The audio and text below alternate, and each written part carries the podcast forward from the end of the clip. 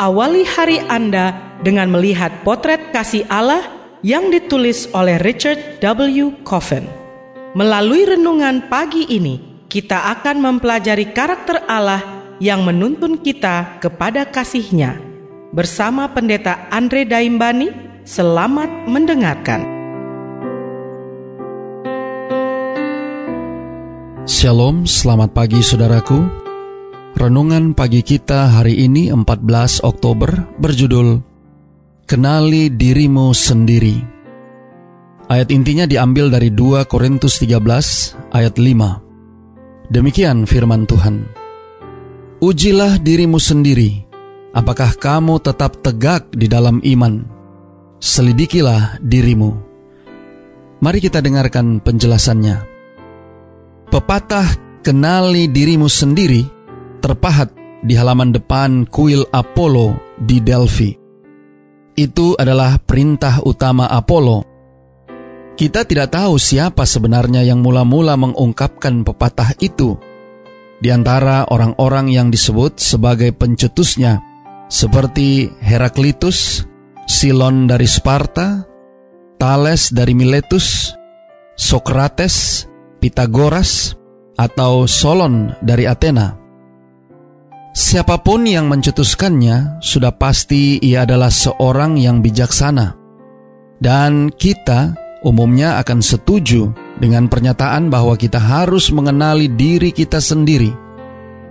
Namun demikian, seperti yang dikatakan oleh Benjamin Franklin di dalam karyanya Poor Richard's Almanac pada tahun 1750, ada tiga hal yang sangat keras. Baja, sebuah berlian, dan mengenali diri sendiri. Paulus tidak menasihati jemaat Kristen di Korintus dengan anggapan bahwa mereka akan benar-benar mengenali diri mereka sendiri. Ia tidak sedang bicara tentang kepribadian atau karakter atau ilmu anatomi. Ia sedang berbicara tentang keadaan rohani. Sungguh mudah bagi mereka yang memiliki patokan rohani yang tinggi untuk menghakimi orang lain. Paulus selalu berhati-hati dalam menghakimi orang lain. Ia lebih suka menyerahkan penghakiman ke dalam tangan Allah.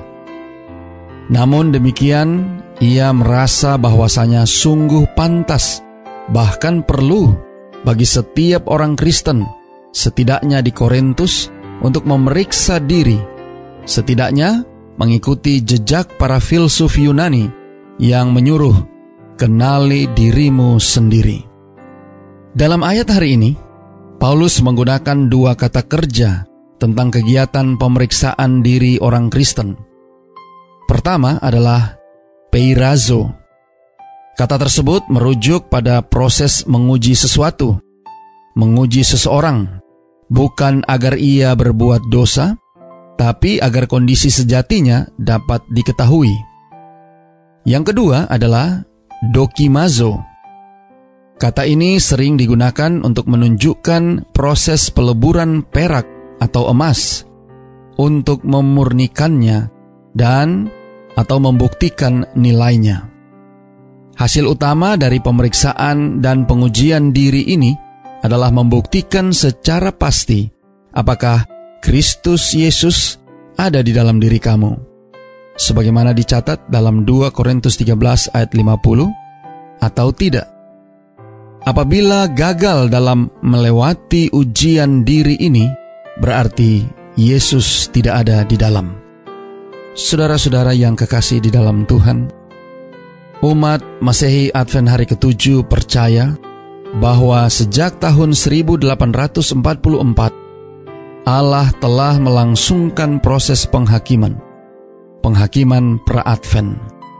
Ada yang begitu cemas dan bahkan putus asa menantikan apa yang akan ditemukan oleh Allah dalam penghakiman tersebut. Namun, ketakutan akan penghakiman itu tak perlu menyurutkan kita untuk mengikuti nasihat Paulus kepada jemaat Korintus. Ujilah dirimu sendiri, selidikilah dirimu. Doa kita hari ini. Bapa terima kasih. Melalui renungan pagi ini, kami boleh mendapatkan satu pelajaran yang penting bagi kehidupan rohani kami. Terima kasih melalui renungan pagi ini. Kami boleh belajar dari nasihat Rasul Paulus kepada jemaat di Korintus agar kami boleh dapat mengenali diri kami sendiri. Tolong kami hari ini Bapa, biarlah dengan pertolongan kuasa roh kudusmu, kami boleh disanggupkan untuk boleh dapat mengikuti nasihat Paulus kepada jemaat di Korintus agar kami boleh dapat menguji diri kami sendiri dan menyelidikinya apakah hidup kami selaras dengan kehendak Tuhan. Terima kasih Bapa. Inilah doa dan permohonan kami kepadamu. Semoga Tuhan senantiasa memberkati kita sekalian sepanjang hari ini saat kita melakukan aktivitas kita masing-masing.